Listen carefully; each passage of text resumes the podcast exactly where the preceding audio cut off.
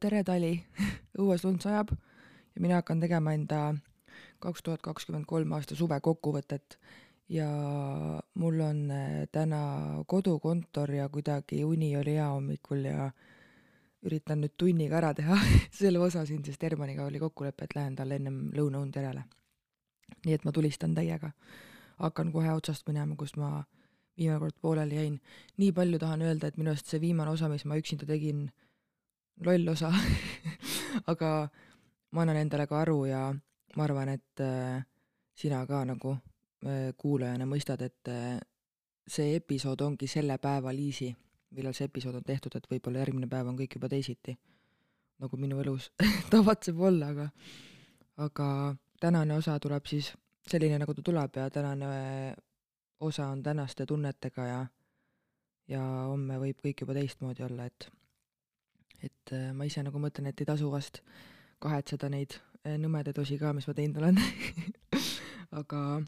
mm, kakskümmend üheksa juuli oli siis eelmine osa minul üksinda. Sinna vahepeale jääb osa Liisaga, sellest ma ka natukene räägin. aga selline esimene suur äh,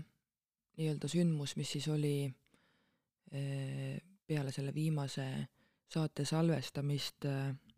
oli Marita juures üks selline naistelaager äh, Marita kolis ju, noh ei kolinud, vaid äh, maakodu soetasid äh, suht Karinu lähedale. Ja kutsus äh, naiste kamba külla sinna, kuna see oli selline privaatne üritus, sinna sai kutsetega, sain kutse sinna. et sinna ei saanudki nagu igaüks minna, see ei olnud avalik üritus, vaid selline väga kinnine, et megaägedad naised ja väga kihvtid teemad, et sellised laagrid mulle nagu väga meeldivad õhtul tegime sauna ja jäime ööseks ja oli niisugune loengu moodi värk ja siis oli mm, äkki kongidega oli ka midagi. et väga tore oli ja väga palju niisuguseid uusi vaatenurki sai elule ja iseendale.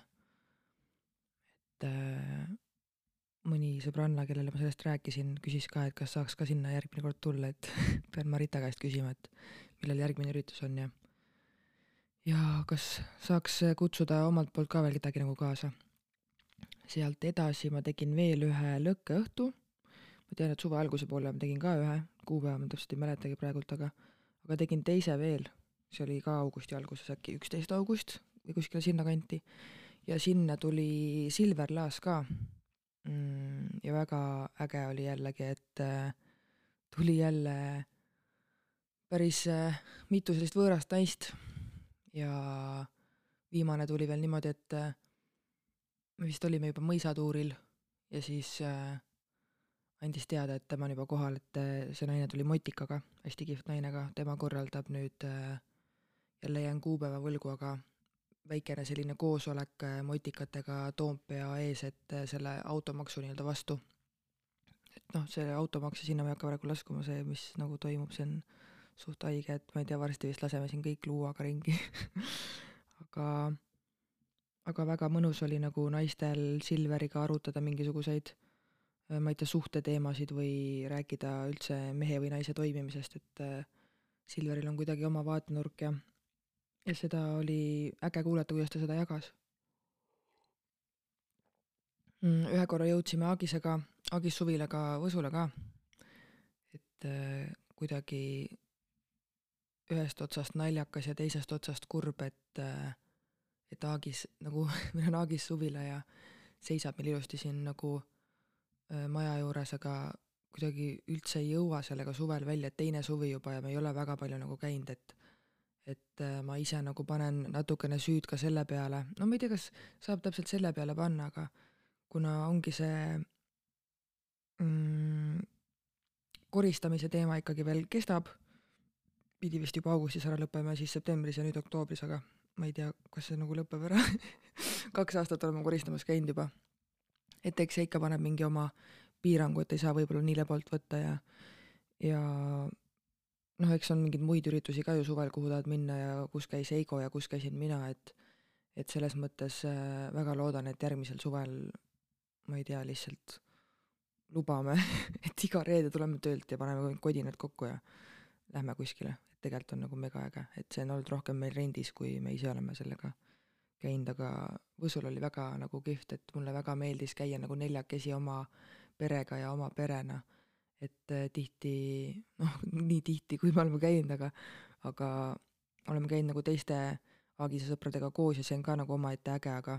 mina olen kuidagi, mida kiirem elutempo mul on, seda vähemat ringkonda mina nagu nii-öelda tahan väisata et selles mõttes oma perega mingi tripida seal ja käia jalutamas ja kohvikutes, et oli nagu hästi, hästi mõnus mm,. trenni hakkasin ju tegema juulis ja trenniga on läinud niisugune on and off, sest äh, siis, kui mul oli see suurem pauk ärevushäiretega, siis ma nii-öelda olin paar nädalat rivist väljas, siis lasin uue kava teha ja praegult äh, olen jälle nagu rivis, aga siin kuidagi noh, ma jõuan ka natukene lõpupoole selle poole või sinna, et miks, miks ma ei ole nagu saanud väga regulaarselt trenni teha, aga samas ma nagu alati saan reele tagasi ja tahan minna, et see on nagu tore ja uus kava on nagu anyways jälle äge ja selline huvitav. Äh, jõudsime suvel käia ka Igoga motikaga sõitmas, läksime Porkunile, sinna, kus me esimest korda käisime, kui me tuttavaks saime ja ta viis mind motikaga sõitma et see motikasõidu planeerimine oli ka nagu omaette ooper, et ma juba riidesin mingi õhtu ja lapsed kõik ära planeeritud ja et davai, lähme ja siis Heigoga motikat käima paneme, kurat, aku tühi ja sada häda. Ja mõtlesin, no mis värk on, et ei saa nagu mindud, nii lihtne asi. Ju, seisab siinsamas katuse all, lihtsalt hüppa selga ja mine, onju. et äh, see oli sihuke väga pikk planeerimine, sest ma väga nagu tahtsin minna.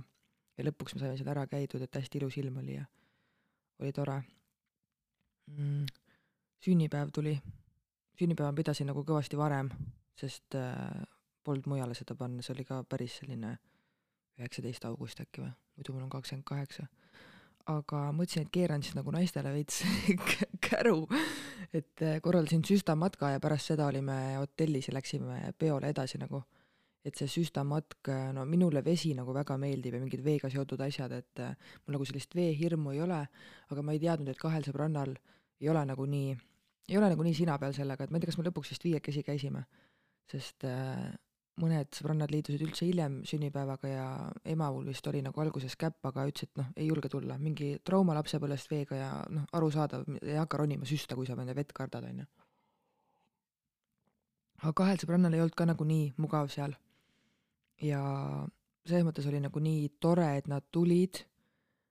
enda tegelikult hirmu ju nii-öelda, hirmule otsa vaatama, on ju, kuigi noh, ma ütlesin ka, et see ei ole see koht, kus tegeleda enda mingi hirmuga, et, et peaasi, et kõigil oleks nagu tore ja mugav päev, on ju. Et mina ise tundsin ennast täiega nagu kala vees ja veel isegi tahtsime minna Eigoga nagu võtma mingeid eratunde või asju, mulle tõesti nagu väga meeldis süstaga sõita, mõtlesin, ma võiks kas või mingis süstatrennis käia. et äh, oli plaan minna siis Piritalt kuskilt äh, nii-öelda Jõesuudmest äh, merele, aga kuna selline ikkagi olid inimesed, kes, kes ei olnud väga, ma ei taha öelda kodus sellega, vaid, vaid oli selline ikkagi hirm sees, siis me merele ei läinud, sest merel on, ma arvan, natuke teine teema kui seal niisama jõe peal, et äh, enne merd keerasime siis tagasi ja läksime mm, jõe peale uuesti ja lihtsalt kulgesime seal igaüks omas tempos ja väga tore oli tegelikult, et üks vend ütles ka, et aitäh, aga me ei tule enam kunagi kuskile süstamatkale. Ja teine vist ei olnud ka nagu väga vaimustuses, aga aga tegelikult oli nagu kihvt, et selline teistmoodi ja ma ise tahtsin teha midagi teistmoodi. et selline viiner ja kartulisalat ja noh, väike jook kõrvale, see, see selleks, aga et ise tahtsin midagi teistmoodi teha ja kogeda kui siiani ja oli äge nagu, et sõbrannad ka kaasa tulid sellega. ja pidu oli äge jumal küll, no nii hommikul jõudsime siis äh, sinna hotelli, õnneks hotell oli lähedal käisime klubis, äh, tantsisime seal nii, et maa oli must ja mul kingad siiamaani nagu puhtaks ei lähe. niisugused roosad ägedad kingad looduselt ostsin. ja need võib vist jah, ära visata kahjuks. et äh, kihvt oli ja nõme oli see, et järgmine päev meil sai, meil oli jah, Eigoga oli seitsmes aastapäev siis, kakskümmend august. Ja ma olin nagu nii loll, et äh, mõtlesin, no issand jumal, no mis, mis klubi me üldse lähme seal eelmine õhtu ja nagunii kell kaks juba magavad kõik, onju. ma ei tea, kuidas nagu nii rumal sain, sain olla. panin meile Eigoga kahekümnendaks augustiks äh, floating'u. Lähed nagu lihtsalt sellisesse Epsomi soolavanni ja hõljud seal onju, poolteist tundi. no kurat, nii magamata ja ma ei tea, mingi pea käis niigi ringi ilma selle floating uta ka. et selles mõttes seal oli jumala äge olla, aga seal oli jumala õudne ka, sest no ma räägin, helikopter oli nagunii juba, siis lähed sinna, siis on mingi topelthelikopter, seal oled pimedas ja hõljud ja noh, joh, ei tii aga üle elasin selle. ja noh, ko-, kogemus on jälle äge ju. Äh, tulistan edasi, Porkuni mõisas oli kongirännak, ma ei tea, mis nimega ta nüüd päriselt oli, aga see kuninganna ärkamine, Roomet Poomi ema nagu tegi seda ja Roomet ise oli ka seal. ja tegime veits hingamist ja pärast olid kongid ja selline noh, oi, see oli mõnus ja see Porkuni mõis ise on juba no nagu kuidagi kreisilt äge ja ja me käisime ju Matikaga varem sõitmas ja siis me sõitsime sealt mööda, ma tegin veel pilti sellest mõisast ja ja kuidagi mega nagu äge oli, väga kihvt kogemus, et äh, ma tunnen, et ma ise olen nagu kuidagi jõudnud sellesse kohta, et igast asjast nagu enam ei vaimustu või osa ei võta, on ju aga täna ma jälle tunnen, et noh, praegult viskab ka mingeid megaägedaid üritusi kuskilt äh, nii-öelda sinna uudistevoogu, et äh, et tegelikult noh, tahaks mingi hingamisrännakule näiteks minna jälle ja ja kogeda mingeid asju, et äh, sihuke käib nagu lainetena mul see, et äh, vahel ei taha mitte mingist, ma ei tea, rännakust või mingist, ma ei tea, kokkusaamisest kuuldagi ja teinekord otsid ise. et see oli mega, mega äge. ja me tantsisime seal ka ekstaatiline tants oli ka, vot see, seda ma tegin esimest korda. kaine peaga, silmad kinni, mingi jumalast äge muss oli ja, ja tegelikult oli hästi lahe, et hoopis teistmoodi ja noh, mega kihvt. et selline ekstaatiline tants, see on ka mul ikkagi listis veel endiselt, kuhu ma pole nii-öelda jõudnud, aga kuhu oleks väga äge minna. Äh, siis tuli seitsmepäevane paast. kuna ma võitsin äh, selle Kehateadvus on Instagramis üks kutt, äh, äkki tema on ka Romet jah, ma kuidagi võitsin tema konto alt äh, mingisuguse konsultatsiooni ja siis tuli juttu sellest Zen Cleanse'ist, tema nagu tegeleb sellega ka ja üldse paastust, et ma ütlesin ka, tunnen jälle, et ma olen nagu, et mul nii raske nagu olla, et äh, toidud ei sobi ja kõht on punnis, no see teema, mis mul on eluaeg olnud, on ju. kõik ju teavad juba, mis see nagu on ja milles see on, et toituda ei oska ja alkohol ja kõik see, eks. Aga ma olin lihtsalt nii valmis selleks seitsmepäevaseks paastuks ja ma arutasin temaga läbi ja paastu ajal ma tegin ka selle Zen Cleanse'i soolepuhastuse vist äkki kolmandat korda. nüüd mul ootab kom-, komplekt praegult, et äh, kui keegi veel tahab, siis äh, see nädal, ma arvan, on võimalik veel soetada hea hinnaga, aga järgmine nädal ma vist teen selle ise ära, kui keegi ära ei osta. et äh, et see paast oli äge, ma juba, ma ei tea, mingi nädal või poolteist enne ma olin täiesti valmistunud selleks, mõtlesin selle peale, olin noh, täiesti kindel. ja selle seitsmepäevase paastu ajal mm, tahket toitu ei tarbinud, ma tegin püreesuppi, suppe, smuutit,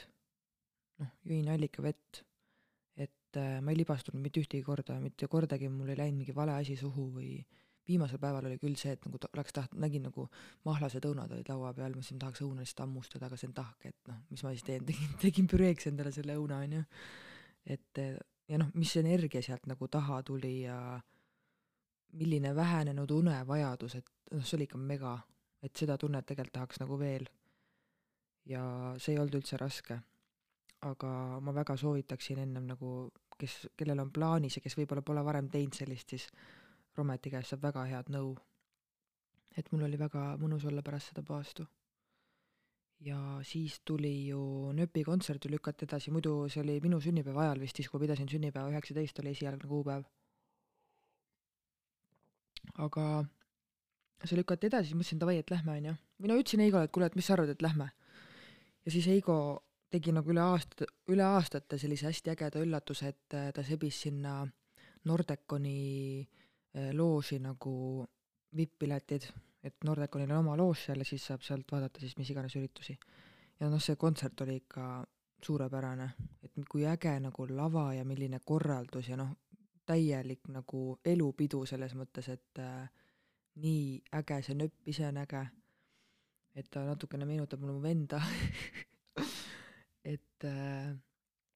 väga kihvt elamus, nagu tõsiselt äge, et nagu siiamaani vahel mõtlen selle peale, et oli ikka küll nagu, oli ikka kihvt. et äh, kuidas rahvas nagu kõigega kaasa läks ja noh, mis seal kõik toimus, et see oli nagu müts maha selles mõttes, et äh, väga kihvt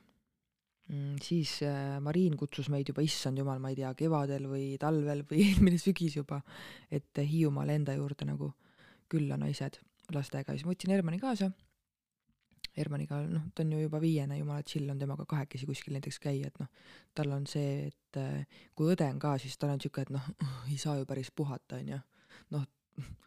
mis sa räägid tõesti et aga kui Hermaniga kahekesi käia, no väga, väga äge nagu kaaslane. ja sõime seal ja käisime jalutamas mere ääres ja noh, mega ilus koht, et äh, kas või Aagisega minna, ma ei tea, suvel külla neile ja parkida oma Aagis ära ja tripida seal Hiiumaa peal ringi, et Hiiumaa mulle nagunii väga nagu meeldib. ostsime kala ja sõin seal kuivatatud lesta, minu lemmikteema üldse. ma ei tea, mul läks vist mitu kuud ennem kui dressidelt kadus lihtsalt see kalalõhn ära, kuigi ma ei läinud kalaga nagu dresside pihta, aga kuna ma sõin seda kala vist kaks päeva, siis ma imbusin sellest lesta lõhnast nagu läbi, et see oli naljakas, et ma ei tea, kolm korda pesen dresse, ikka no on Hiiumaa lõhn küljes aga Mariin tegi siukse triki meile siis, tegi enda sõbrannadele üllatuse. ja see üllatus oli siis tahkuna tuletornist laskumine ja ma ei mäleta, kas see on mingi kolmkümmend, nelikümmend meetrit on kõrge või. ja jõuame sinna tahkunasse, noh, keegi midagi aru ei saa, pooled juba aimasid, mis see on siis ütleb, et jah, et kuna te tegite mulle siin, ma ei mäleta, mis me tegime tal tüdrukute õhtul, mis, mis me talle tegime sellist. äkki me viskasime kive seal merre või ma ei mäleta, mingi, mingi seos nagu oli sellega. aga ütles, et jah, et nüüd lähme laskuma. ja noh, mina olin täiesti kindel, et no mis, mis asja, ämblikud ja kõrgus nagu, mis laskuma lähen tahkuna tuletornist, et vaatad nagu kõrgele üles, et noh, no mitte mingil juhul, onju. ja ma olin nii kindel selles, et noh, mitte mingil juhul ma ei lähe, mul mingit ärevust polnud aga siis nagu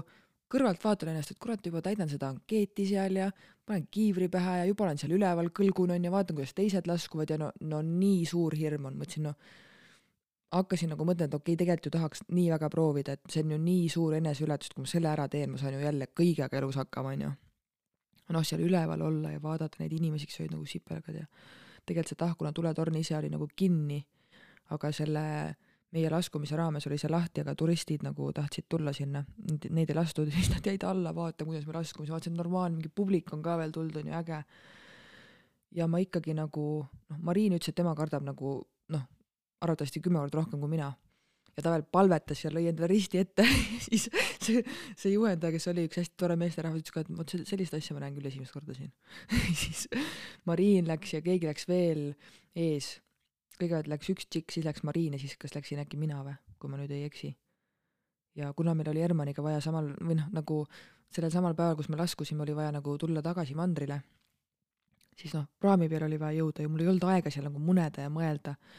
ja ma ütlesin küll mitu korda, et teate, et ma väga nagu vabandan, aga ma ei lähe ja siis see mees ütles ka, et tead, mul on nii kahju nendest inimestest, kes tegelikult nad nagu tulevad juba siia siis nad viimasel hetkel ütlevad, nad ei lähe, et neil jääb nii äge elamus ja kogemus kogemata. ma ütlesin, ma saan ju sellest kõigest nagu inimesena aru, aga kas te saate aru, kui väga ma kõrgust kardan või? ja ma arvan, et see kõrguse kartus, thanks isa ja ema, et olite nii nõmedad, et äh, meil oli kunagi, võib-olla ma olen sellest mingis podcast'i osas rääkis, rääkinud ka, aga Mitsukas kunagi, kus me siis elasime perega äh,, oli mingi istumine meie juures, ema-isa sõbrad olid külas ja saad aru, mul on pilt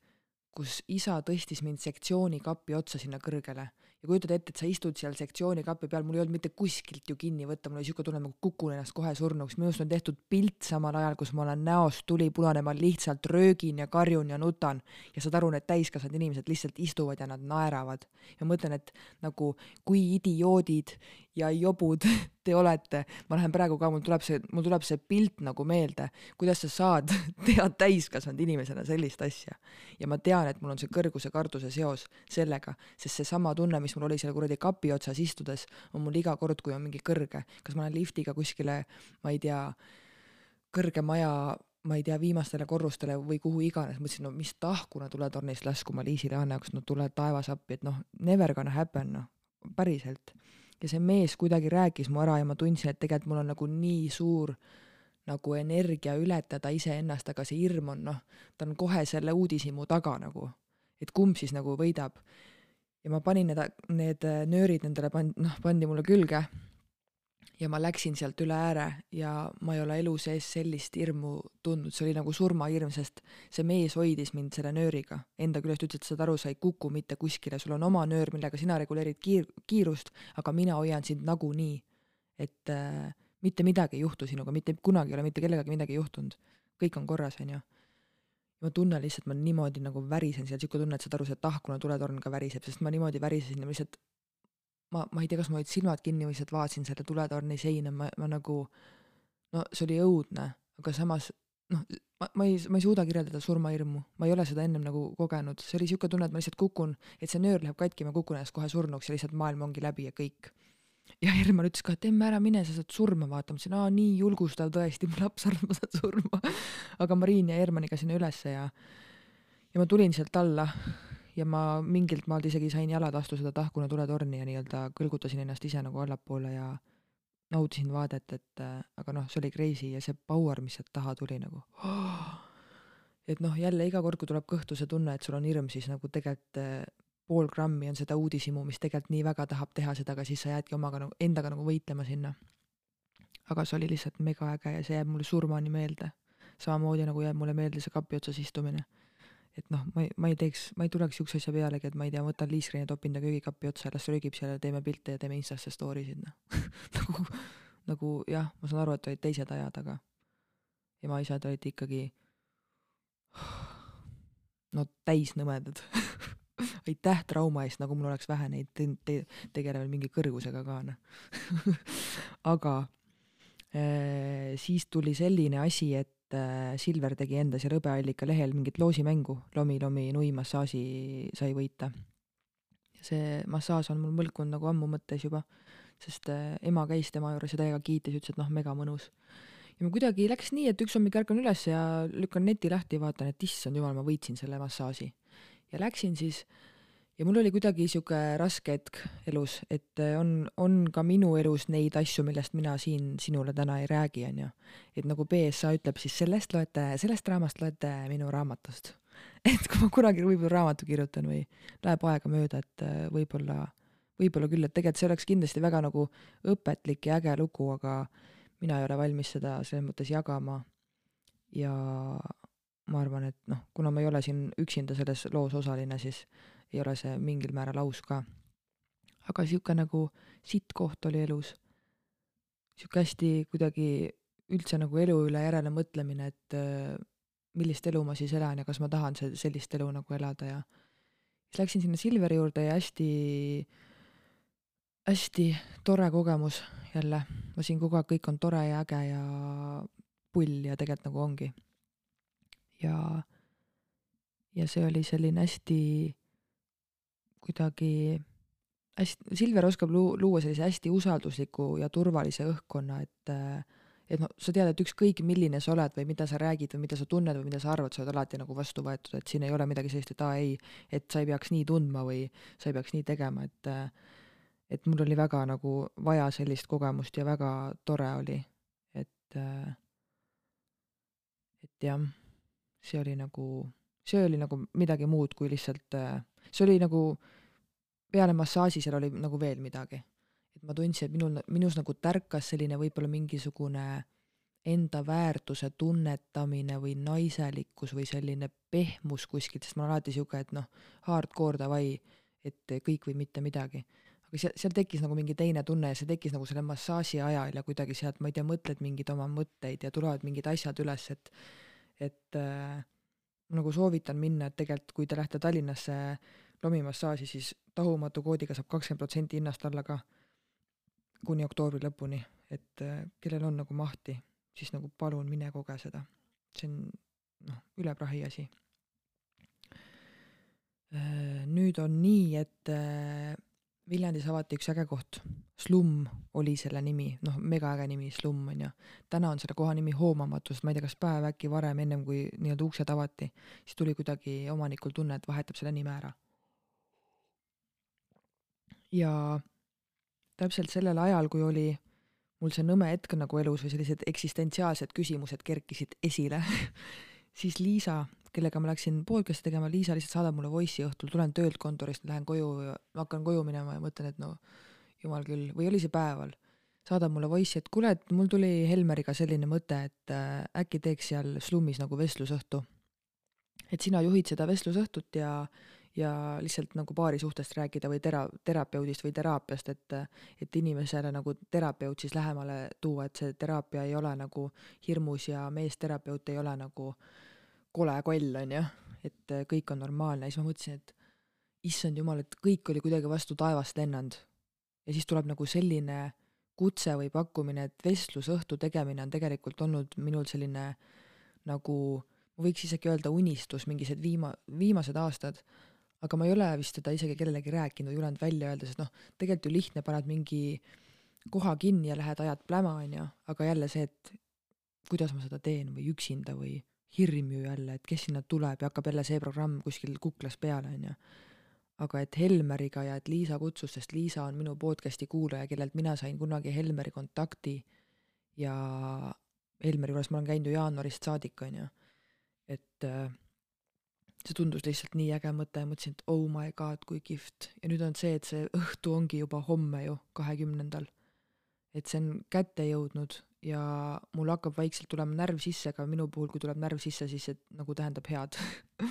et äh, tegelikult üritus on ju piletiga ja samas mina ei ole mitte ühtegi vestlusõhtut ju varem nagu juhtinud ju ja mul puudub äh, kogemus, aga samas ma ikkagi nagu väga ootan seda ja väga tahan seda teha ja väga nagu kogeda seda, kuidas mul siis läheb. et õnneks Helmeril, Helmeriga me oleme ju koos laval ja mina lihtsalt küsin temalt paarisuhte ja teraapia kohta igasugu küsimusi, et et tuleb kindlasti nagu äge õhtu, ma olen selles täiesti surmkindel. ja ma olin kohe sellega nõus. Ja siis läks natuke aega mööda, läksin Liisaga podcast'i tegema, siis oligi selle koha nimi veel Slumm ja mul on temaga ju osa ka Slummi Kuum perenaine, on ju, või midagi sellist. Et seda osa ma soovitan ka kuulata, et seal ta räägib ka sellest, äh, sellest hoonest ja nendest ruumidest ja mis seal toimuma hakkab. Ja ma vaatan, et praegult seal on päris palju juba üritusi järjekorras, et äh, mina näiteks olen väga huvitatud minema järgmine laupäev äh, Juhan Noode hingamisrännakule, et praegult nagu kõnetab. tunnen, et tahaks vabastada enda seest midagi et võib-olla isegi olen minemas, et koht on megakihvt noh, milline lounge seal all on ja üleval need ruumid, et et kindlasti, kui sul on mahti, tulla reede õhtul, kahekümnendal kell seitse sinna hoomamatusse siis nüüd, mitte slummi, vaid hoomamatusse. raudtee, äkki vana raudteehoone on see, ma loodan, et ma ei eksi, raudtee kõrval kohe või selle raudtee, kuidas öeldakse, rongipeatuse kõrval et äh, et nagu mega thanks Liisale niisuguse pakkumise ja üldse usalduse eest ka, et üks asi on pläriseda üksinda siin pleedi peal oma mikrisse, aga teine asi on ikkagi nagu inimeste ees kuidagi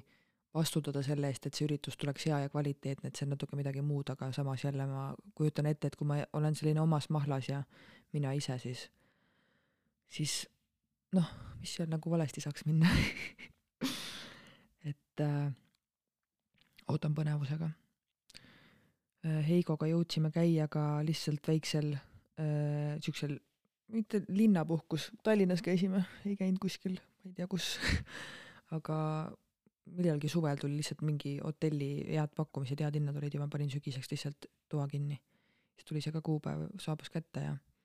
jõudsime muidugi mega hilja linna. Metropol spa hotellis olime ja ei tulnud selle peale ka, et äh, küsida, et kuhu tuba panna, et tuba pandi sinna, mis see on see Urban Bar või? Urban Bariga samas majas on Metropol spa ju ja meil oli täpselt vist Urban Bari kõrval see tuba. Õnneks ma olin nii väsinud, et ma jäin ikkagi magama vaatamata sellele tümakale ja me jõudsime nii hilja tuppa, sest eh, noh, kesklinn on või üldse noh, see, seal see ümbrus on ju nii üles eh, kaevatud, et me, me ei saanud nagu kumbki aru, kuhu parkida saaks või kuhu parkida võiks, et panime mingi megakallisse parklasse, kus ma ei tea, tund oli vist sama palju, kui teises parklas oli kakskümmend neli tundi, on ju siis käisime poes siis leidsime mingi odava parkla ja siis läksime, viisime asjad sinna tuppa ja siis parkisime selle auto ümber, lõpuks vist pool kümme või kümme jõudsime tuppa. Vaatasime Netflixi ja jäime magama lihtsalt ja hommikul käisime mingis ägedas, mingis galerii kohvikus. et äh, väga nagu soovin võtta selliseid äh, nagu väljasõite meile kahele tihemini aga lihtsalt ongi see, et avastad jälle, et ah, ma ei tea, mingi kuu möödas ja kaks kuud möödas ja pole nagu jõudnud, onju et äh, väga teadlikult ikkagi mulle tundub, tuleb teha neid asju, et äh, lihtsalt aeg läheb kuidagi nii ruttu, voolab, äh, voolab nagu minema, et ei saa munema jääda lihtsalt tuleb nagu, tuleb mõte, siis tuleb minna. et praegult meil on vist järgmine kahekesi minek on äkki ATP-le, Tondirabas on neljandal novembril. sinna ma ostsin piletid ära. ja vestlusõhtule ta pidi ka tulema, hommikul küsisin ta käest, kas ta on huvitatud tulema. et äh, vist on, kui keegi lapsi hoiab, kes tahab lapsi hoida homme õhtul, siis äh, tõstke käsi püsti aga jah, et niimoodi vahel ära käia kahekesi on nagu megaäge. ikka nii teistmoodi, sest ma nagu tajun, et kodus vahel ei ole isegi aega nagu, ma ei tea, rääkida oma päevast või küsida, kuidas sul läheb või sest noh mm,, kuidagi nagu nii tamp on peal või olemegi, tuleme ju õhtul koju väsinud, kuidagi tuleb lastega ära tegeleda, mingi söök teha, natuke koristada, lapsed magama, mina võib-olla ise veel koristama, on ju, nagu tööle ja Eigol on praegult mingi autokool ka, ta vist hakkab tegema suurte autode lube, bussilube või mingit rekkalube või, et äh, kuidagi jah, kiire on, aga õnneks praegult mul on neljapäev on vaba, reedel on ka kodukontor, nädalavahetus ka vaba, et ma tõmban nagu nende päevadega kuidagi tagasi selle, selle kiirustamise juurest, et äh, mul kuidagi toimib niimoodi, et mul võib olla sada protsenti kiire, kiire, kiire ja siis tulevad vabad päevad ja siis ma lülitan ennast täiesti välja, et isegi ma ei tea, telefon on kuskile unustatud nii-öelda. et see on nagu mõnus. järgmine asi minu listis siis on rahvajooks, Paide tuli rahvajooks ja mõtlesin, et ma teen ühe proovikatse ka ennem kui ma lähen. aga ma ei jõudnud, ma ei tea, kas ma jäin haigeks või midagi nagu toimus seal. ja lihtsalt jooksingi esimest korda elus siis seda Paide Türi rahvajooksu ja esimest korda elus jooksin Paidest Türile. ja minu arust mul läks väga nagu normaalselt, treenerile saatsin nii-öelda enda pulsikella siis kokkuvõtte sellest ja sain kõvasti kiita, et et süda tegi väga head tööd ja aeg ei olnud ka kõige hullem, et ma jooksin äkki tund kakskümmend seitse, kakskümmend seitse. ja minu jaoks nagu väga märgilise tähtsusega on see, et ma jooksin kiiremini kui Raivo ja Tamm. et see on nagu naljaga pooleks sihuke öeldud, et et tegelikult oli väga mõnus ja keha pidas nagu vastu ja mingid viimased kilomeetrid olid sihuke, et hakkas see pläma nagu peas pihta, et ma ei tea, vist ikka ei jõua ja tuleb seisma jääda ja siis keegi keegi teine oli mu sees, ütles, et loll jutt, et oled mingi kuradi kolm, kaksteist kilomeetrit jooksnud nüüd viimast ei jookse, et noh, see on ju naeruväärne, on ju. et väga äge kogemus ja väga nagu tore, et mu keha on sealmaal, et keha jõuab teha seda. et ma tean, et äkki kas novembri lõpus on Pärnus mingi jooks, see jäi mulle nagu silma ja kõrva. et võimalik, et võtan sellest ka nagu osa, aga selline rahvajooks, noh ikka ärevus oli alguses ja mõtled, et noh, ei no peaasi, et ma ka samal päeval lõpetan, aga tegelikult ikkagi ju noh, vaatad paljudest mööda jooksed ja paljud sinust mööda jooksevad, et mingi selline väike võistlusmoment jääb alati minu sisse, isegi kui ma räägin endale seda juttu, et noh, ma lähen lihtsalt nagu osalema, on ju. ma arvan, et see ei ole päris nagu sada protsenti kunagi see, et ma lähen ainult osalema, et mingi pisik alati meie sees tahab, tahab, et me improve iksime ja te-, teeksime kiiremini ja paremini. Aga käisime veel Heigoga no meil mitte küll kahekesi, aga läksime Tartusse mul ühele sõbrannale külla. ja niisugune tunne tuli kohe, et läks kluppi noh, kuigi no alles oli ju see sünnipäevaklubi on ju, pärast mida oli sihuke helikopter. aga käisime siis Tartus Maasikas, viimati ma käisin seal oma ühe Paide kolleegiga. tervitan Kristat. et äh, ikka ennem kui ma Heigoga tuttavaks sain, siis minu arust ma ikka käisin seal päris tihti aga, aga selles mõttes oli mõnus, et no muidugi jälle õhtul mingi mega hilja jõudsime Tartusse, siis tegime Sõbrantsi juures väiksed koksid, värgid, läksime välja ja väga tore oli nagu, polnud Heigoga vist, ma ei tea, kunagi, no kunagi, kunagi ikka käisin temaga klubis, aga äkki siis, kui me olime alles kohtunud, lapsi veel polnud. Saaremaal käisime klubis, aga polnud käinud nii ja tegelikult oli nagu mõnus, aga samas mingi osa minus nagu tundis, et see ei ole nagu minu teema, et äh, ma ei tea, kas ma olin siis selleks ajaks juba nagu jäänud selle kiirustamise hammasrataste vahele, et tegelikult ma oleks võib-olla tahtnud, ma ei tea, niisugust kodust õhtut või lihtsalt chill ida, aga aga õnneks noh, jõin vett ja jõin džinntoonikut mingi kallima džinniga, et nii kui on mingi odav džinn, siis minul on väga paha olla järgmine päev, aga tegelikult oli väga normaalne olla ja normaalsel ajal saime vist koju, aga no ärkasime küll vara ja sõitsime koju tagasi, aga, aga tegelikult oli tore. et pull oli, tore, et me läksime. et jah, nüüd on jälle aega möödas, nüüd võiks varsti jälle minna siis täitsa Pekkis podcasti üks äh, tegijaid, äh, Katrin Hinrikus, äh, juba pikemat aega mm, korraldab selliseid naisteõhtuid, milline naine. ja jäi jälle kuidagi mulle see üritus kuskilt mm, silma. ja regasin ennast ära ja siis tuli, hakkas see nii-öelda kuupäev kätte jõudma ja mul oli ikka veel see mingi nõme seisu, seisukord või olukord nagu elus, et ma tundsin, ma ei taha nagu vist tegelikult ikka minna, ma tahaks koju minna ja hakkasin mingeid lugusid jutustama ja tegelikult ma ikkagi sel samal päeval, kui see toimus, sellel samal päeval ma otsustasin, et ma ikkagi lähen. et äh, mul kuidagi vahel on niimoodi, et mul hakkab tekkima sisse see mingi närimine, et ei tea, kas ma peaks minema või ei peaks, aga ma lasen kuidagi lõdvaks ja lasen endale otsu-, lasen sellel otsusel tulla lihtsalt jooksu pealt. et noh, homme on see üritus, homme vaatan, mis tunne on, kas lähen või ei lähe, on ju et äh, niimoodi kuidagi toimida on väga, mulle kuidagi tundub, et on tervislik. et ei ole see, et äh, on mingi plaan nüüd paigas, et davai, nüüd äh, tuleb minna, sest ma olen lubanud ja siis lähen, kuigi noh, keha ja vaim ütlevad, et noh, üldse ei taha minna, on ju. ja läksin ja jälle noh, kui, kui äge oli näha täiesti nagu võõraid naisi ja näha, et kui sul on ikkagi selline usalduslik naistering, siis äh, noh, jagataksegi asju, mida võib-olla oma sõbrannadega ka ei jagata ja need naiste lood olid kuidagi nii inspireerivad ja ja kuidagi noh, jõuad ikkagi õhtu lõpuks sinna, et ükskõik, mis kohas me elus nagu tahame, me tahame ikkagi sarnaseid asju, et me oleme, ma ei tea, vastu võetud, kuulatud, aktsepteeritud, mm, hoitud, et vahet pole, palju meil on raha või vahet pole, kaua me oleme nagu kaaslasega koos olnud või mis iganes olukorras me oleme, et need baasasjad, mis me soovime, on ikkagi nagu väga sarnased ja hästi inimlikud ka. et äh, sealt sai kindlasti nagu väga ägedaid tutvusi uusi ja noh, Katrinit oli nii tore nagu nii-öelda elusast peast näha, et ma olen temaga kunagi teinud äh, pilti ka kuskil ühel üritusel juhtus, juhtusime kokku ja siis ma olin nagu hästi, hästi selline, ma ei tea, kas ma ise, ise vist ei teinudki siis veel podcast'i. aga väga nagu fännasin neid ja noh, fännan siiamaani nagu Mihklit ja Katrinit, et et äh, see, mis tasemel nemad teevad podcast'i, see on nagu väga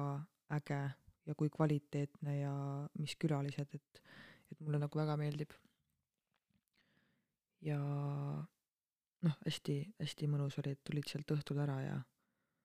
kuidagi noh, mis, ta ütles ka, et äh, nii pikalt pole ükski naisteõhtu ennem nagu kestnud, et ma ei tea, mis kell ma koju jõudsin, äkki mingi ühe paiku. siis ma läksin vist veel koristama ka ja siis ei saa aru nagu, et huvitav, miks mingi isud on ja ma ei tea, seedimine ei toimi ja noh, kui ei maga, siis eks sealt läheb kõik ju veerema, et need kõik asjad ju omavahel seotud on ju. aga tuli sihuke pakkumine ka mulle, et äh, Pärnus on selline kliinik nagu Medimic kliinik. Ja kuidagi Sveniga käisime tegemas millalgi suvel, oli äkki sügise paiku juba, millalgi nüüd natuke aega tagasi ühte podcast'i, Ohira podcast'i. Ja see on ütles, et tal on üks sõbranna seal Pärnus, et äh, lähevad lõunale ja siis pärast helistas mulle, et jaa, et et käis seda vitamiinisüsti nagu tegemas. mis veeni siis nagu süstitakse, mul on selle vastu ka huvi olnud, aga jälle ei, ei ole jõudnud. ja siis äh, kuidagi ma lihtsalt ütlesin Svenile, et kuule, et kui sul juba niisugune tutvus on, et äh, küsi, et äh, mul kunagi äkki plaan mingit, ma ei tea, kortsu süstida millegagi või noh, et ikka kolmkümmend kolm juba ja hakkab midagi tekkima, et ma ei tea, kuidagi on tekkinud alateadlikult selline tunne, et kuna ma olen kolmkümmend kolm ja noh, ega ma enam nooremaks ju ei jää, on ju, vaid ikkagi vananen iga päevaga, siis kuidagi see mingi nahahooldus või selline, selline asi on minu jaoks kuidagi läinud selliseks tähtsamaks või olulisemaks ja järsku oli siis niimoodi, et äh, selle Medimic kliiniku omanikuga me juba seal suhtlesime ja mina nagu saingi aru, et äh, ma lihtsalt sõidan Pärnusse, ajame juttu, ma küsin selle kliiniku kohta, tema teenuste kohta, lihtsalt tutvume ja järgmine kord, kui ma lähen, siis teeme temaga näiteks podcast'i, on ju. mis iganes, tema nendest ilusüstidest, mida ta pakub või whatever asjadest. ja, ja tegelikult ma läksin sinna ja juhtus niimoodi, et äh, ta ütles, et kuule, et ma olen täna mõelnud sinuga niimoodi, et teeme sulle nagu ilusüste, on ju näkku ja huultesse ja kaelale ja mõtlesin, issand, et päriselt ka või? et ma, ma nagu üldse selle mõttega ei tulnud siia, vaata, ma lihtsalt mõtlesin, ma tulen lihtsalt tutvuma sinuga ja selle kliinikuga. ja oligi niimoodi siis, et äh, ma ei tea selle teenuse nime ja ma kindlasti räägin sellest veel eraldi ja tulen selle juurde tagasi, sest ma lähen sinna kliinikusse veel tagasi. võib-olla üks-kaks-kolm korda. et äh, ma tulen selle juurde kindlasti tagasi, aga mina kogesin esmakordselt noh, noh nagu mul oleks mingi hull süsti, on ju. Et äh, ma olin kuulnud küll sellisest äh, äh, nii-öelda täitesüstide vormist nagu nii, et võetakse sinu enda verd, kuidagi töödeldakse seda mingis aparaadis ja siis süstitakse sulle see naha alla, et uuendab rakke ja nagu teeb nooremaks ja noh, nahk nii-öelda läheb nooruslikumaks, kortse vähendab, on ju. ja, ja tegigi siis ära mulle ja noh, nõelu ma selles mõttes kardan, noh no, muidugi naljakas, et tätoveerimas ma ju käin ja verd tuleb ikka vahele anda, aga ma kunagi nagu väga ei, ei vaata, kui selle nõelaga kuskil tegutsetakse minu küljes. et äh, valulävi mul on alati see, et kui keegi küsib ka, kas on valus, siis ma nagu ütlen alati, et ma sünnitasin Hermanit kakskümmend kaks tundi, et ma ei tea, beat that nagu sellest nagu valusamat asja minu elus ei ole siiamaani olnud nagu füüsilise valu mõistes. et äh, et sain kiita, et jah, et pidasin ilusti vastu ja mõni ikka, ma ei tea, tahab selle tooliga siit välja joosta ja ja tegelikult, tegelikult ei olnud nagu väga valus, et nõelatorked on nii kuidagi siuksed pisikesed ja need on nii korraks, et, et, et oli nagu väga kihvt ja see, kuidas mul nagu nahk on muutunud pärast seda, et sihuke kuidagi niisutatum ja siledam ja noh, kaela pealt mingi, mul oli mingi põletikuline sihuke kael, siuksed imelikud punnid ja asjad, et see kõik on nagu kuidagi tagasi tõmmanud, et et mulle just meeldib see, et see, kuna see nagu oma verest, siis mulle nagu jääb mulje ikkagi, et see on natukene selline nii-öelda looduslikum variant kui mingi botox, et botox'id, kui ta oleks mulle pakkunud, ma arvatavasti oleks ei öelnud, sest see on ikkagi nagu noh, mürk ja keemia. et, et väga äge ja peakski tegelikult temaga ühendust võtma ja panema endale uue aja, et, et nii kuidagi kuidagi mõnus, et ma olen jõudnud sinna ikka, et mul on võib-olla ilukliinikusse asja, mitte selles mõttes, et oh, ma nüüd lähen lasen huuled ja kõik asjad ja dissid ja asjad panna, mitte seda, aga aga see on minu jaoks kuidagi selline enesehoolitsuse next level. ja seda saada veel võib-olla mingi koostööpõhiselt on, on nagu megatore, et nagu väga rõõmus sellise pakkumise ja võimaluse üle. ja ma kindlasti postitan või räägin sellest veel eraldi ja võib-olla ma ei tea, kas kuulete äh, minu podcast'is või Ohira podcast'is sellest, sellest kliinikust ja nendest teenustest endast, et et ma tulen selle teema juurde kindlasti tagasi. siis kullakesed, ma käisin Veneetsias ju. see ongi minu listi siin lõpupoole juba. tulin Veneetsiast äh, eelmine pühapäev tagasi, äkki oli viisteist see, viisteist kuupäev. jep Veneetsia oli nagu noh, megalt ootasin seda, sest pinged ja kõik asjad olid kerinud juba nagu nii viimase piirini, et huvitav, et alati, kui mul on mingi väljasõit või mingisugune reis planeeritud, siis alati just ennem seda reisi on nagu pingete haripunkt, siis ma mõtlen, et issand, kui seda reisi poleks tulnud, mis siis saanud oleks. Et äh, niisugune mõte tuli ema ja ühe sõbrannaga, et äh, võiks mingi linnapuhkuse teha. Ja võtsime kriteeriumiks selle, et lähme kuskile, kus mitte keegi meist pole kunagi käinud. leidsime Veneetsia. Ja Veneetsia noh, imeilus ja kui soe seal oli ja noh, muidugi kohe läks külmaks, kui me ära tulime aga noh, imeline, imetore nagu, kui no üldse on ju tore ära minna, kui on mingi siin Eestis on meil tööd ülepeakaela ja sada häda on ju, lihtsalt lendad minema, noh, täiega ignoreerid ja põgened oma probleemide eest. et äh, Aperol Spritz oli jumala odav ja, ja pasta oli hea ja et äh, neli ööd vist olime seal, kolmapäeval läksime ja pühapäeval tulime. et äh, noh, kogu liiklus seal kohapeal on ju nii-öelda mingi paadiga või mööda vett, et et äh, korra eksisime ära ka paadiga selles mõttes, et tahtsime minna ühele Liido saarele vist, aga läksime kuidagi vale selle veebussi peale ja kuidagi megasuure ringiga ja siis me kuskil saarel tulime maha ja siis me läksime jälle sinna bussi peale ja samas nagu nii tore, et midagi on, siis lähed küsid ja kui ei saa aru, siis lähed küsid uuesti. Lõpuks ikka jõudsime oma kõik tiirud tehtud ja oli tore, et äh, meil seal korteri juures oli just üks äge sihuke restoran, kus me käisime hommikusööki söömas. Ja see oli ainukene, ainuke koht, kus ma nagu mäletan, et me saime siukest sõbralikku teenindust, et muidu noh, ma kujutan ette, et seal hakkab hooaeg lõppema ja teenindajatel on kõrini, noh nagu igal pool on ju, kas see on Kreekas või wherever, et et lihtsalt saad aru, see teenindaja on niisuguse näoga, et saad aru, ma ei ütle sulle tere ka ja oleks hästi tore, kui sa siit hästi kiiresti nagu nahhu ei tõmbaks seda oli kuidagi nagu naljakas kogeda, inimlikul tasandil saad ju aru, aru, teiselt poolt öö, on see, et ma ju maksan selle eest, et ma ju, mis ma nüüd siis tegema pean, et vaatan, sul on nägu mossis, lähen siit restoranist mööda või.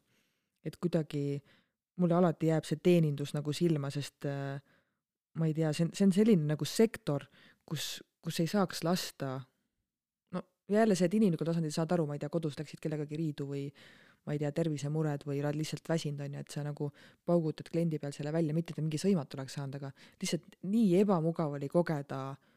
ebaviisakat äh, teenindust või niisugust teenindust, kus sa nagu kliendina saad aru, et noh, sa ei ole mitte mingil juhul oodatud siia, palun nagu kao minema et äh, sellest oli kahju. aga noh, muidu noh, nii kihvt ja just see kolmene punt, mis meil oli, et et väga hästi nagu klappisime ja väga mõnus oli.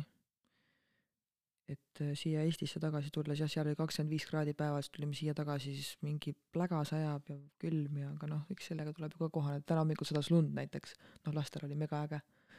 väga kiiresti said nad riidesse majast välja muidu ikka venitavad siin kummi, aga aga Veneetsias oli niimoodi, et kuna mul nagu päevatöö mõistes on selline mm, nagu keeruline aeg, selline pingeline aeg töö juures, siis äh, tegin ka puhkuse ajal tööd ja ja kuidagi kõik asjad olid kerinud nagu nii haripunkti juba, et äh, et äh, tulime sealt reisilt siis tagasi ja tunnen, et täitsa lõpp, et ikka käib nagu pea ringi, sihuke tunne nagu paadiga sõidaks. mõtlesin, et äkki see on lihtsalt sellise nagu noh, kuigi me olime seal nii väikest aega, ma saan aru, sa oled aasta otsa merel ja siis astud maha ja ei saa aru, et enam midagi ei kõigu jalge all kui tulin tagasi ja tunnen, et nagu pea käib ringi ja nagu kuidagi imelik on olla, siis sain aru ka, et noh, ükski öö ma seal nagu väga hästi ei maganud, kuna seal toas olid siuksed sääsed ja need sääsepunnid olid noh, nagu kanamunad nagu naha all. et sääsed segasid ja mitte, et ma nagu vinguks, et ah, Veneetsia oli nii nõme, et seda ja teist, vaid ma lihtsalt räägin nagu enda kogemusest, mida ma seal nagu siis tegin või, või ei teinud, on ju. et äh, ma väga hästi ei maganud seal, samal ajal oli nagu palav, aga ei saanud ju nagu lina või tekki nagu ka maha visata, sest siis tulevad ju sääsed veel rohkem sööma siis hommikuti, ma ei tea, kas käis mingi prügikorje, seal on niisugune süsteem, et sa paned hommikul oma prügikoti nagu ukse taha tänavale ja siis tullakse mingi käruga, viiakse minema, aga see käru kolises nagu, nagu tank sõidaks mööda Munakivi teed, noh. ja siis viimane öö, no nii väsinud juba, et no mõtlesin, nüüd ma magan nagu nott ja siis mingi noortekamp täpselt akna all mingi lällab seal onju. mõtlesin, no okei okay,, noh, ma lähen homme koju suva, ma seal kodus siis magan. aga tulin sealt reisilt nagu tagasi ja ja mõtlesin, et okei okay,, et no äkki see pearinglus nagu siis kaob ära täna on juba, ma ei tea, viies päev ja see ei ole ära kadunud ja ma tabasin ära, et see ei ole sellest lainetamisest, see pearinglus, vaid mul lihtsalt arvatavasti on jälle ärevushäired. no muidugi selline kergem kuni keskmine vorm, sest see, millega ma ikkagi sinisel lehel olin, need ärevushäired olid ikka veits next level. et, et kuidagi täiesti saan aru, miks ma jälle selles kohas olen, samas saan ka aru, et noh, see on selline kergem vorm, et ma nagu pööran sellele tähelepanu, mis ma nagu arvan, mis saigi nagu saatuslikuks, oligi see vaimne pinge, mis oli, eraelu, töö, magamatus, noh, mingi kahekümne nelja tunni jooksul viis-kuus tundi magada, noh, sealt ei tule mitte kunagi head nahka, sest siis lähevad kõik teised asjad ka lohisema. et siis ei jõua ju trenni, siis tahaks nagu kiire energia saamiseks mingit jura süüa, sööd jura, siis seedimine ei toimi, seedimine ei toimi, siis ei saa magada, noh, kõik need asjad, see on ju, me oleme tervik, on ju, üks asi on paigast ära, on terve keha paigast ära ja mõtlesin, okei okay,, siis ma olen selles samas kohas jälle. et davai, mis, mis siis nagu teha. ja saingi aru, et noh, alkoholi ma jõin seal kolm päeva, no mitte, et ma oleks nüüd kuradi liiter viina näkku pannud seal, aga ikka see, selles kohvikus võtad väikse Aperoli ja seal võtad väikse Prosecco ja oligi mõnus, onju. aga saingi aru, et noh, see alkohol, gluteen, pasta ja pitsa, laktoos pluss magamatus, mul ei olegi nagu rohkem vaja selles mõttes, et äh, ma nüüd nagu selles mõttes selle Veneetsiaga ma sain hästi hea õppetunni enda keha äh, koha pealt, et äh, ma tean täpselt nüüd, mis need nagu sektorid, faktorid on. et no muidugi vaimne pinge ka, aga ma mõtlen just, just kas või need väiksed asjad, et see toitumine, alkoholi tarbimine, nagu magamatus, et, et noh, see süsteem ju, keha, keha lihtsalt ei toimi niimoodi. mida tal nagu, mille alusel tal on mind püsti hoida, kui noh, vundament niimoodi nagu laguneb ja kõigub. et kõik see toidu teema, et tegelikult kehale ei sobi laktoos ja gluteen. aga noh, sa lähed Itaaliasse, sa ei söö pastat või? et noh, loog-, inimlikus mõistes ma saan endast ju nagu aru, muidugi ma oleks võinud selle asja peeneks ajada, iga päev mingit smuutit kuskil võtta, ma saan sellest kõigest aru, aga aga tahtsin ka ju ennast tõdaks lasta ja lihtsalt nautida reisi, aga noh, teada oli, et sellel on omad tagajärjed. kas või see, et ma ei tea, seedimine on paigast ära või mis iganes, aga aga see, et see ikkagi, kuna aju ja soolestik on ju nii-öelda ühenduses, siis noh, hakkab ajudele ka see, kui soolestikus on mingi jama, on ju. ja siis ma nüüd nagu istun siin, et mul on selline esimene vabam päev pärast sellist tralli, et ma küll olen nagu kodukontoris nüüd täna ja homme, aga aga ma ikkagi kuidagi ei tõmble või ei kiirusta praegult kuskile, et et ma õudselt nagu panin tähele seda ka, et kuidas ma kõike teen kiirustades. Ma kiirustan tööle, sest ma hilinen stardiga, eile tulin töölt kiirustades, sest lastel oli spordipäev mingi staadionil, kiirustades vahetasin riided ära autos, kõike lihtsalt panen tähele, et jälle ma tõmblen lihtsalt, mitte ühtegi rahulikku liigutust, kõik on niisugune siuh-säuh, ruttu nii, davai, kuhu sinna. siis mõtlesin nagu mida ma siis nagu imestan, et mul on isegi nagu täna siin sulle sellest piinlik rääkida, sest ma olen sellest rääkinud juba kogu aeg, on ju. kogu aeg rääkinud sedasama juttu, kus kohas ma olen ja ma olen ikka selles samas kohas. et mingis osas on nagu,